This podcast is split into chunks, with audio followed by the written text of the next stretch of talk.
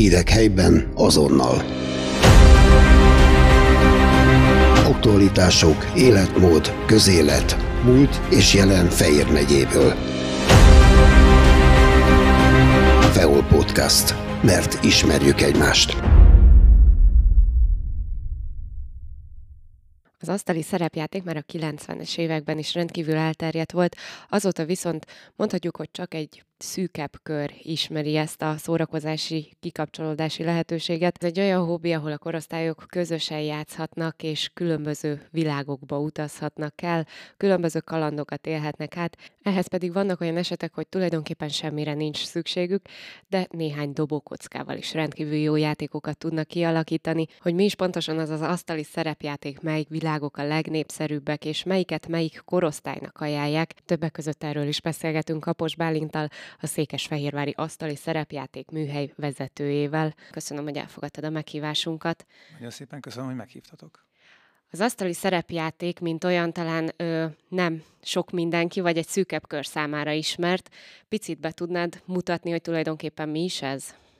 Igen, ha definíciót próbálnék rá találni, akkor az asztali szerepjáték az valójában egy történetmesélés, ahol vannak bizonyos szabályok, ahol a leülő társaság, akik ezt a történetet közösen szövik, betartják ezeket a szabályokat.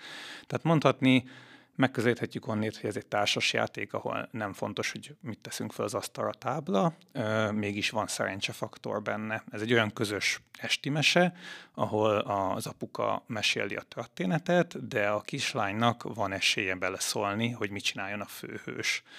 És ez kiegészül még pár olyan elemmel, ami mondjuk egészen más típusú embereket is bevonz, van, aki mondjuk rajzolni, térképet rajzolni szeret, vagy a karaktereket megrajzolni, és ő is ihletet merít abból, hogy egy közös történetbe újabb és újabb helyzetekbe hozzák magukat a játékosok és a mesélő. Dióhéjban ennyit a definíció. Ezek az alaptörténetek, kész történetek, amikhez bárki hozzájuthat, vagy akár maguknak is kitalálhatnak ilyenek, ilyeneket a játékosok. A legijesztőbb dolog először mondjuk egy új hobbiba belevágni, hogy az ember nem tudja, mi fán terem. Az ilyen ö, embereknek nagyon nagy segítséget nyújt, hogy nagyon sok kiadvány van, ami kész kalandokat ír le, akármilyen világban, tehát vannak varázslós fantazi történetek, ahol igazából mm, le vannak írva a lehetséges választások, válaszutak is. Tehát valakinek elég elolvasni egy ilyen történetvázat, egy kalandmodulnak hívják ezt, míg nagyon egyszerűen bármikor el lehet térni ennek a történetétől, és jellemzően mondjuk egy esti mesese úgy szokott szövődni, hogy előre elolvassa az apuka, hogy akkor mi legyen a történet, hanem ahogy befolyásolja mondjuk a körülmények, vagy az aznapi történések ő vele, abból merít ihletet, tehát nagyon könnyedén lehet improvizálni is történeteket.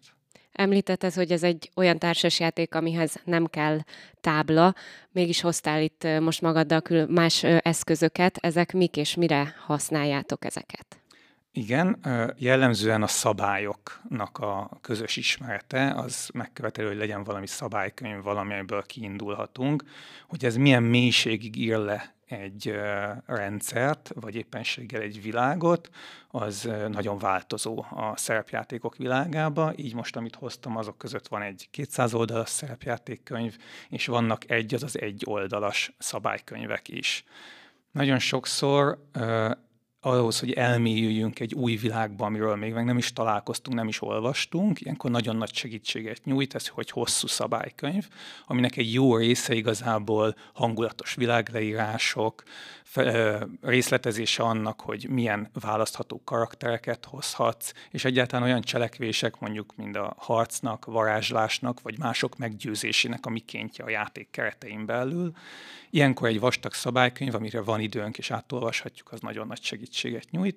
Aztán idővel, vagy nagyon kezdetén az egész folyamatnak, az ember elengedi ezeket a szabálykönyveket, és úgy van vele, hogy a legutóbb látott film, vagy legutóbb olvasott könyv világából szeretne egy történetet továbbvinni, és ilyenkor fog egy darab kockát, legyen az hat oldalú, hagyományos, vagy tíz oldalú, vagy húsz oldalú, és néhány gyorsan megbeszélt szabály alapján elkezdenek játszani az emberek a szabálykönyvek, illetve a szabályleírások hosszúsága egyenesen arányos azzal, hogy nagyjából mennyi ideig tarthat egy-egy játék?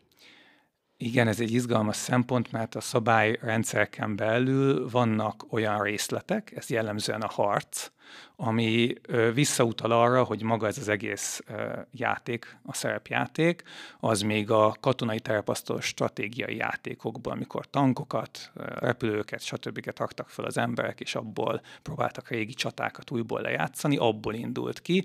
Ott igazából egyre szabadabb lett, egyre inkább elengedték ezeket a kellékeket, és egyre érdekesebb plusz dolgokat hoztak be, mondjuk a szociális interakciókat, a meggyőzést, a átverést, egyebeket. Éppen ezért igazából a szabálykönyvek kapcsán nagyon sokszor harci rész az, ami nehéz, ami hosszú, és ami nagyon részletesen le van írva, és ha egy játéknál például a harcot nagyon realisztikushoz hasonlóan, tehát terepasztalon modellekkel akarja valaki lejátszani, akkor nagyon belassul. Tehát egy szerepjáték során van olyan, hogy a fantázia világában alig pár perc telik el, miközben ez több három-négy egymást követő alkalommal játszák végig a játékosok. Még ugyanakkor egy hetekig tartó utazás, akár mondjuk a gyűrűk urában a hosszú út, amíg eljutottak a Mordor hegyéig, az meg lehet, hogy egy másik játéktípusnál az megvan két-három kockadobással. Elkerültük, elkerültük, legyőztük őket, legyőztük őket, akkor ott vagyunk a hegynél több világot is említettél már. Melyik a, melyek a legjellemzőbbek?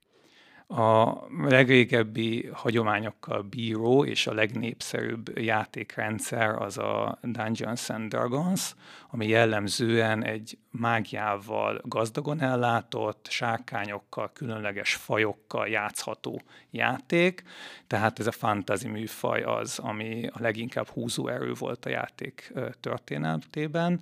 Ugyanakkor nagyon sok egyéb is létezik, így például Japánban a legnépszerűbb szerepjáték az egy nyomozós, misztikus szörnyekkel harcolós 1920-as évek ben játszódó játék, ez a Cthulhu hívása nevezetű, ami viszont egy konkrét írónak, Howard Philip Lovecraftnak a munkásságán alapul, tehát igazából az ő regényeiből lehet nagyon sokat meríteni ahhoz a hangulathoz, amit a játékasztalnál az emberek megpróbálnak újból áttélni a klasszikus világok, klasszikus történetek mellett a frissen megjelenő hasonló ö, fantazi történetek is bekerülnek az asztali szerepjátékok világába? Egyértelműen, sőt, rendkívül gyorsan jelennek meg új szabálykönyvek. Ha megjelenik egy kassz, kassza film, akkor van rá esély, hogy még a film készülte közben elkészül egy szerepjáték rá, önálló kiadványkönyv, szabályokkal, de ugyanígy igaz, hogyha valaki mondjuk egy számítógépes játék nagyon népszerűvé válik, akkor jó eséllyel már van rá egy szerepjáték. Itt az egyetlen kulcskérdés, hogy angolul tud-e az az illető, aki keresi a számára a legmegfelelőbb világ, a legmegfelelőbb játékrendszert, hiszen nagyon sok ilyen házi gyártású szerepjáték ingyen elérhető, csak megfelelően kell megpróbálni megtalálni az internet bugyraiban. Magyarul is elérhetőek már szabálykönyvek, csak nem feltétlenül a legfrissebbek, ha jól értem.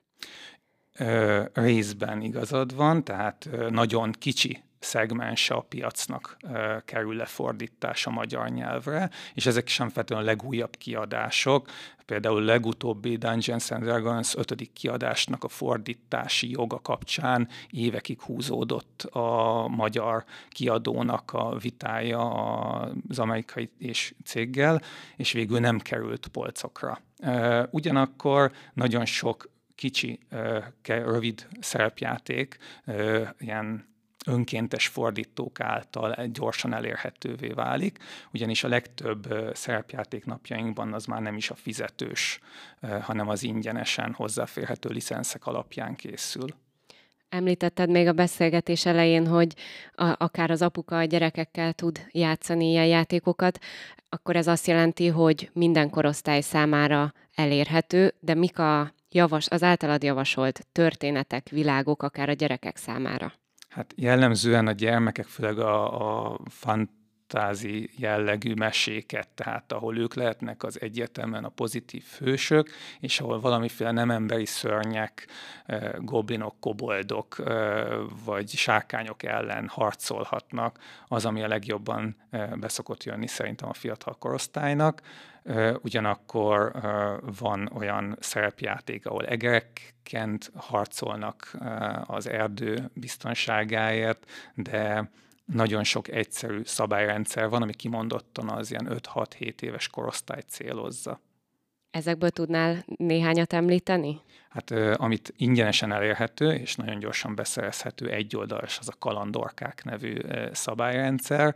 Ugyanakkor angol tudó szülőknek a Hero Kids, tehát a hős gyerekek az, ami viszont egy rendkívül színes, szagos kiadvány, és viszonylag olcsón beszerezhető. A felnőttek körébe mik a legnépszerűbb történetek? Hát a felnőttek körében már nagyon meg tud oszlani, hiszen onnantól kezdve már a Star Wars világában, különböző skifi univerzumokban, filmek univerzumában is lehet játszani, de ugyanakkor ott vannak a sötétség világa, vagyis a World of Darkness, ahol hát vérfarkasok, vámpírok hangulatát tudja elhozni, de jellemzően a mostani felnőttek, azok, akik még játszanak az 50-es, 60-as korosztály is ezzel a játékkal, ők a Fantasia D&D világából jöttek, és ha van rá idejük, pénzük a család mellett, akkor például nagyon gyakran ők azok a felvásárlói a legújabb kiadványoknak, például a svéd kiadóknak a legújabb szerepjátéknak, hogy csak egyet említsek, a Witcher, vagyis Vaják című sorozatra is van, illetve most megjelent az Alien világából egy nagyon új kiadású szerepjáték műhelyként működtök itt Fehérváron. Mit akar ez, hogyan tudnak hozzátok csatlakozni az emberek? Én azért indítottam azt a szerepjáték műhely néven egy ilyen klub rendezvényt, vagy hát egy ilyen programsorozatot, mert szerettem volna, hogyha megismerkedünk új szerepjátékokkal, bevállaljuk azt, hogy fordítunk angol nyelvű rövid szerepjátékokat, így igazából online térben elsősorban ezzel foglalkozunk, személyesen pedig a Vörös Marti Mihály könyvtárnak az olvasótermébe a Budai úton, ott pedig bemutatót tartunk, tehát egy, egy rövid játék alkalommal ki lehet próbálni egy-egy ilyen gyorsan megismerhető, ingyenesen akár egy lapon haza is vihető szerepjátékot, úgyhogy ez a két fő tevékenység, amivel így részben egy személyben, részben az a néhány ráérő aktív emberrel űzünk. Jellemzően most az elmúlt egy évben, februárban indult ez a műhely sorozat. Az első fél évben még én is csak úgy kerestem, hogy akkor milyen szerepjátékokkal ismerkedjünk. Az volt a célom egyrészt, és ez most is elérhető a Facebook oldalunkon, hogy megmutassam a kínálatot. Nagyon sok akár több száz oldalas szabálykönyv van, amit magyarul hoztak létre. Tehát azon szabályok és példák alapján, amit más szerepjátékokból láttak, már a kard és mágia, vagy a helvécia, vagy éppenséggel a kazamaták és kompániák a leghíresebb, magyarul is letölthető, nagyon sok kiadott kalandmodulra rendelkező szabályrendszerek, és ezek mellett még van viking hangulatú Heimurin nevű szabálykönyv. Ezek mindegyikét megpróbáltam összegyűjteni egy oldalon, hogy utána tudjam népszerűsíteni, viszont mivel ezek hosszú kiadványok, ezért a felkészülés és a karakterek megalkotás is egy hosszú folyamat, ezért ezt nem tudom bevinni egy három órás rendezvényre, úgyhogy szombatonként 10 órától két hetente valójában az egy oldalas kis gyors szerepjátékokkal ismertettem meg az érdeklődőket. Jellemzően új érdeklődők mennek, vagy már olyanok, akik játszottak, de szeretnének jobban belelátni ebbe a világba? Az érdekesség az, hogy az eddigi tapasztalatom alapján néhányan jöttek új emberek, főleg inkább visszatérők, akik már gyerekeiket hozzák. Tehát mivel aznak idején nekik a 90-es években volt ez a hobbi, belekostoltak, de nem volt el utána idejük, vagy eltávolodtak tőle, ők kapták föl leginkább a fejüket a hirdetések láttán, és hozták el a 7-8-12 éves gyermeküket, hogy akkor próbálja ki ő is, milyen, miről is szól ez a hobbi Itt igazából az én dolgom az, hogy a történetet elindítom, én vagyok a mesélő ilyenkor, meghatározzuk, hogy milyen típusú világban szeretne játszani az az illető, aki eljön közénk. Jellemzően meghirdetek egy rendszert, hogy ne teljesen e, légből kapott legyen az egész, de utána a kitalált karakter bőrében már a megjelenő érdeklődők alakítják a történetet. Ez egy nagyon jól működő dolog szokott lenni, mert én azért általában ajánlok föl lehetséges utakat, hiszen ilyenkor nincs támpont, nincs kinyitva ott egy könyv, nem egy lapozgatós kalandjáték kockázatról van szó, ahol csak elolvassuk a lehetséges kimeneteleket, hanem megpróbáljuk fejben elképzelni azt a jelenetet, azt a helyzetet, amiben éppen belecsöppent a játékos, és utána pedig az ő döntése az, hogy milyen irányba menjünk tovább. És ilyenkor néha adok támpontokat, és a végén mindig egy hangulatos kalandot zárunk, amiről még beszámolók is olvashatók az oldalunkon. Mesélő vagy te ezeken a foglalkozásokon, minden ilyen játékhoz, történethez szükség van egy mesélőre? Igen, a legtöbb esetben az a jó felállás, hogyha van egy mesélő, és vannak játékosok, hiszen egy-egy hős karakternek az irányítása mellett egy mesélő, hogyha saját karakterrel indulna, akkor egy kicsit azért mm, lehet, hogy a szívének kedves lenne az a karakter, és kevésbé vinni a sztorit annyira sokféle irányba, mint amennyire akkor vihetett, hogyha nem fűznek ilyen érzelmi szálak egy-egy főhőshöz. Tehát akkor a mesélő bárhogy tetszése szerint alakíthatja sok esetben a történetet, hogyha nincsen ö, egy kész történet előtte. Igen, tehát hogyha nem kalandmodulból olvasol, akkor ö, érdekes kihívássá válik a, a folyamat, mert nem elcsepegtetsz bizonyos információ morzsákat, ami mentén aztán mindegy Agatha Christie sztoriban indulnak, nyomoznak tovább a játékosok, nem azt mondod, hogy ott a nagy szörny és vérdíj van a fején, tehát menjetek és valamilyen módon üzzétek vagy pusztítsátok el, hanem ö, tudod a történetet, hogyha improvizálsz, a játékosok igényei szerint alakítani, figyeled az ő között közöttük lezajló beszélgetést, hogy mi az, ami igazán érdekli őket, és ilyenkor megfelelő képzelőerővel, előolvasottsággal, tehát hogyha eléggé sok kalandkönyvet vagy filmet nézett valaki, és hajlandó meríteni abból a, azokból a klisékből, nyugodt szívvel lehet kliséket hozni, akkor, akkor a játékosok érezhetik azt, hogy egyfajta szabad tér van számukra, és bármit megtehetnek. Ugyanakkor a másik, ami benne mesélő nagyon jó, hogyha hagyatkozik a játékosaira, hogy a részletekre rákérdez, hogy ugyan most egy sikátorba fordultatok be, és mondjuk este van, és valami zörejt hallottak a sötét sikátor túloldalán, de néhány szóval ti írjátok le, hogy milyen a hangulata ezen túl a sikátornak, milyen tárgyak találhatók benne. Mert hogyha egy-egy példát ilyenkor bedob egy játékos, akkor ő is már lehet, hogy később fog nyúlni azokhoz a tárgyakhoz, és a mesélőnek is egy kihívást jelent, és ettől válik szórakoztatóvá mesélőnek lenni, hogy, hogy a történet igazából a te számodra is alakul, és új fordulatokat vehet hogyha a mesélő improvizál, akkor a játékosok választanak maguknak karaktert, vagy a mesélő ö, már egy vázzal érkezik a történetéről, és ő határozza meg, hogy milyen karakterek vannak az adott játékban. Lényegében összefoglaltad a két lehetőséget, hiszen legtöbbször egy rövid, egy alkalmas játékra úgy érdemes menni egy mesélőnek, főleg, hogyha egy összetettebb rendszert hoz, hogy felajánlja az 5-6 választható karaktert, aki illik az ő történetéhez. Ha ő eredetileg egy kalóz történetet szeretett volna hozni, akkor hiába hozna az egyik játékos egy titkárnőt, vagy valamilyen pénzügyi háttérrel rendelkező karaktert, akkor lehet, hogy a nyílt tengeren nem fogja tudni tudni kihasználni a karakterének az erősségeit. Éppen ezért egy kész kalandmodul esetében kész karaktereket vagy koncepciókat szoktak felajánlani a mesélők.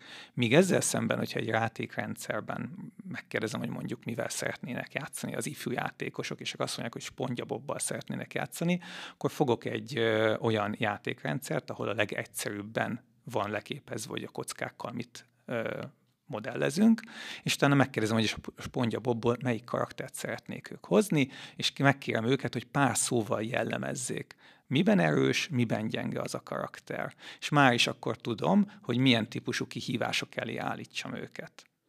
Picit visszatérve oda, hogy általában az a tapasztalatot, hogy a gyerekeket viszik a szülők ezekre a foglalkozásokra, mennyire ö, lesz egyre népszerűbb a gyerekek körében, vagy népszerűbb lesz-e a tapasztalatot szerint az elmúlt időszakban? Mm, Részben vannak visszatérő idősebb, tehát a korombeli 30-as játékosok is, akik csak azért is eljönnek, mert ők is szeretik ezt az élményt, a játékot. Másrészt a fiatal korosztályt nagyon meg kell célozni a szerepjátékokkal. Mi annak idején azért kerültünk könnyedén bele ebbe a hobbiba, mert kevés volt az információ dömping, kevés volt a végtelen mennyiségű számítógépes játék, amik be tudtak volna annyira szippantani minket. Így volt időnk olvasni, szerettünk olvasni, és a szabálykönyvek is elvarázsoltak minket. Ugyanakkor napjainkban már tényleg kell az, hogy vagy a szülő, vagy a testvér részéről legyen egy jó példa, hogy egyáltalán felmerüljön, hogy valaki szerepjátékozni szeretne. Nagyon sokszor az országban nyáron a rendkívül sok szerepjátékos táborban, ami megtartásra kerül, látható az, hogy a szülők hatására jönnek a fiatalok, illetve egy másik nagyon népszerű dolog a, az élő szerepjátékok, tehát amikor be vannak öltözve a játékosok, és egy-egy jelenetet is lehet játszani. Ezeknek ugye van olyan látványvilága, ami a fiatalokat is hirtelen meg tudja fogni. Jelenleg is nekem is az egy nehézségem, hogy ugye megszólítsam valahogy a programunkkal az érdeklődőket, hogy eljussak azokhoz, akik ezt kipróbálnák elsőre nem tűnik túlságosan vonzónak néhány könyv és néhány dobókocka. Hogy ez hol tud birokra kelni egy rendkívül látványintenzív számítógépes játékkal, hát főleg ott, hogy több játékos ül le, és nagyon erősen egymás alá tudnak dolgozni, és együtt tudnak olyan történetekben részt venni, amit nem az van, hogy otthon egy, egy, eljátszották egymással párhuzamosan, és elmesélik, hogy kinek hogy sikerült, mint mondjuk egy népszerű számítógépes játéknál, hanem ott helyben alakítják közösen a történetet. És ez az az összjáték, ami egy nagyon sok, sok pluszt tud adni a szerepjátékos élményben. Segíthet az elszakítani a gyerekeket, a fiatalokat a képernyőtől, hogy akár a kedvenc számítógépes játékuk vagy filmük világát tudják megjeleníteni maguk között? Igen, ez egyértelműen egy jó gondolat. Ilyenkor van az, hogyha van egy olyan mesélő vagy felnőtt, aki bevállalja azt, hogy ő ezt a történetet tovább tudja gondolni, és vállalja a hálátlan mesélői szerepet, aki kevésbé lubickol mondhatni a saját maga által irányított hős szerepében, akkor, akkor nagyon könnyen be tudja vonzani a gyermekeket, hiszen, és a gyerekeket vagy fiatalokat, hiszen mindaz, ami nincs megírva a filmben, nincs leírva a könyvben, vagy nincsen, nem elérhető a játékon, játékon, a játék világában, abba, abba az irányba is el tudnak menni egy uh, asztali szerepjáték történet során. Említetted a nyári táborokat is, és hozzátok is járnak gyerekek, fiatalok, akit ö, egyszer megérint ö, ez a világ, ez a játék, ő jellemzően felnőtt korában is ö, játszani fog? ugye itt a 90-es, 2000-es évekről tudom a példát venni. Igen, jellemzően nagyon hosszú játékos csapatok, barátságok alakultak ki abban az időszakban, rendkívül erősen mondhatni összeragasztja ezek az élmények az embereket, és nem egyszer van egy, egy, egy híresebb kalandmodul, vagy nagyobb hangvételű kalandmodul, aminek a lejátszásához akár három-négy év is kellhet. Viszont az biztos, hogyha egyszer ráharap az ember, és elkezd a szerepjátékokkal foglalkozni, akkor, akkor azt az élményt nagyon várni fogja, és keresi az alkalmat, hogy újból áttélhesse, mert tényleg nagyon sok pluszot ad az összes többi alternatívához képest. Átlagosan a nem az egyoldalas és nem a három éves játékok, hanem így átlagosan mi a jellemző, milyen hosszú egy-egy játék? Nehéz megmondani, mert amíg egy könyv vége egy számítógépes játék vége behatárolhatja valakinek az életét, addig valójában azok a kalandmodulok vagy ötletek, amikből elindulnak a játékosok, azok valójában kihajtanak, és, és hiába indult egy egyszerű sárkányleüléssel egy történet. Lehetséges, hogy miután elvégezték, vagy elbuktak a játékosok, de túlélték, a karaktereik pontosabban, utána megpróbálnak mondjuk a környéken egyéb problémákat megoldani, felderíteni, várat szereznek, hogyha egy fantasyról van szó, vagy egy egész űrflottát kezdenek el kiépíteni, hogy egy skifről van szó, valahol végtelenné tud válni, ha megfelelő üzemanyagot biztosít mind a mesélő, mind a játékosok fantáziája a történethez. De nagyon sokszor van az, hogy egy alkalmas kalandokat hirdetnek, ami egy rövid kis intermezzó, ezekre a játékosok tudnak jelentkezni, elmennek egy klubba, és lényegében abba a hat 7 órában, ami áll rendelkezésre áll, lejátszák. Valamikor versenyszerűen 6-8-10 csapat ugyanazt a történetet játsza el, és utána a nap végén pedig meghirdetik, hogy kinek hogy sikerült a csapatok közül, és ezek azok az a szerepjátékos versenyek, vagy hát ilyen versenymoduloknak a lejátszásai, amik pedig hihetetlenül intenzív élményt tudnak okozni, hogy utána egymás között beszélik meg a különböző csapatok tagja, hogy és ti erre nem is jöttetek rá, hogy de hát mi elmentünk oda, és akkor ott meg találkoztunk egy plusz emberrel, és úgy, úgy jött az információ, tehát utána rendkívül élénk társalgás és uh, ilyen kis kreatív bőrze tud beindulni egy, egy ilyen élmény után. Azoknak, akik kezdők, érdemes olyanokkal elkezdeni a játékot, akik már tapasztaltabbak, hogyha jól sejtem? Um, részben ez segíthet, ugyanakkor én azt javaslom mindenkinek, hogy nyugodtan próbálja ki magát. Itt van az online világ, bármikor tud magának úgy is csapatot találni, hogyha nem tudja rávenni az osztálytársait, vagy nem talál magának mesélőt valós térben leülni egy asztalhoz. Próbálja ki, mert itt a legjobban az szokott, azon szokott múlni, hogy mennyire jó az élmény, hogy milyen típusú emberek kerülnek össze. Tehát van, amikor az az első csapat, akikhez leülsz játszani, azok nem annyira vérpistik, mint te. Vagy az az első mesélő, akivel leülsz játszani, ő túlságosan is ö, szereti a misztikusságot, te pedig olyan típus vagy, aki jobban szereted a, a harcorientált részeket. Nem, ne féljen váltani se rendszert, se csapatot az a játékos, ami meg nem találja számára ideálisat. Köszönöm szépen a beszélgetést, és hogy elfogadtad a meghívásunkat. Nagyon szépen köszönöm. Hírek helyben azonnal. Aktualitások, életmód, közélet, múlt és jelen Fejér megyéből. Feol Podcast. Mert ismerjük egymást.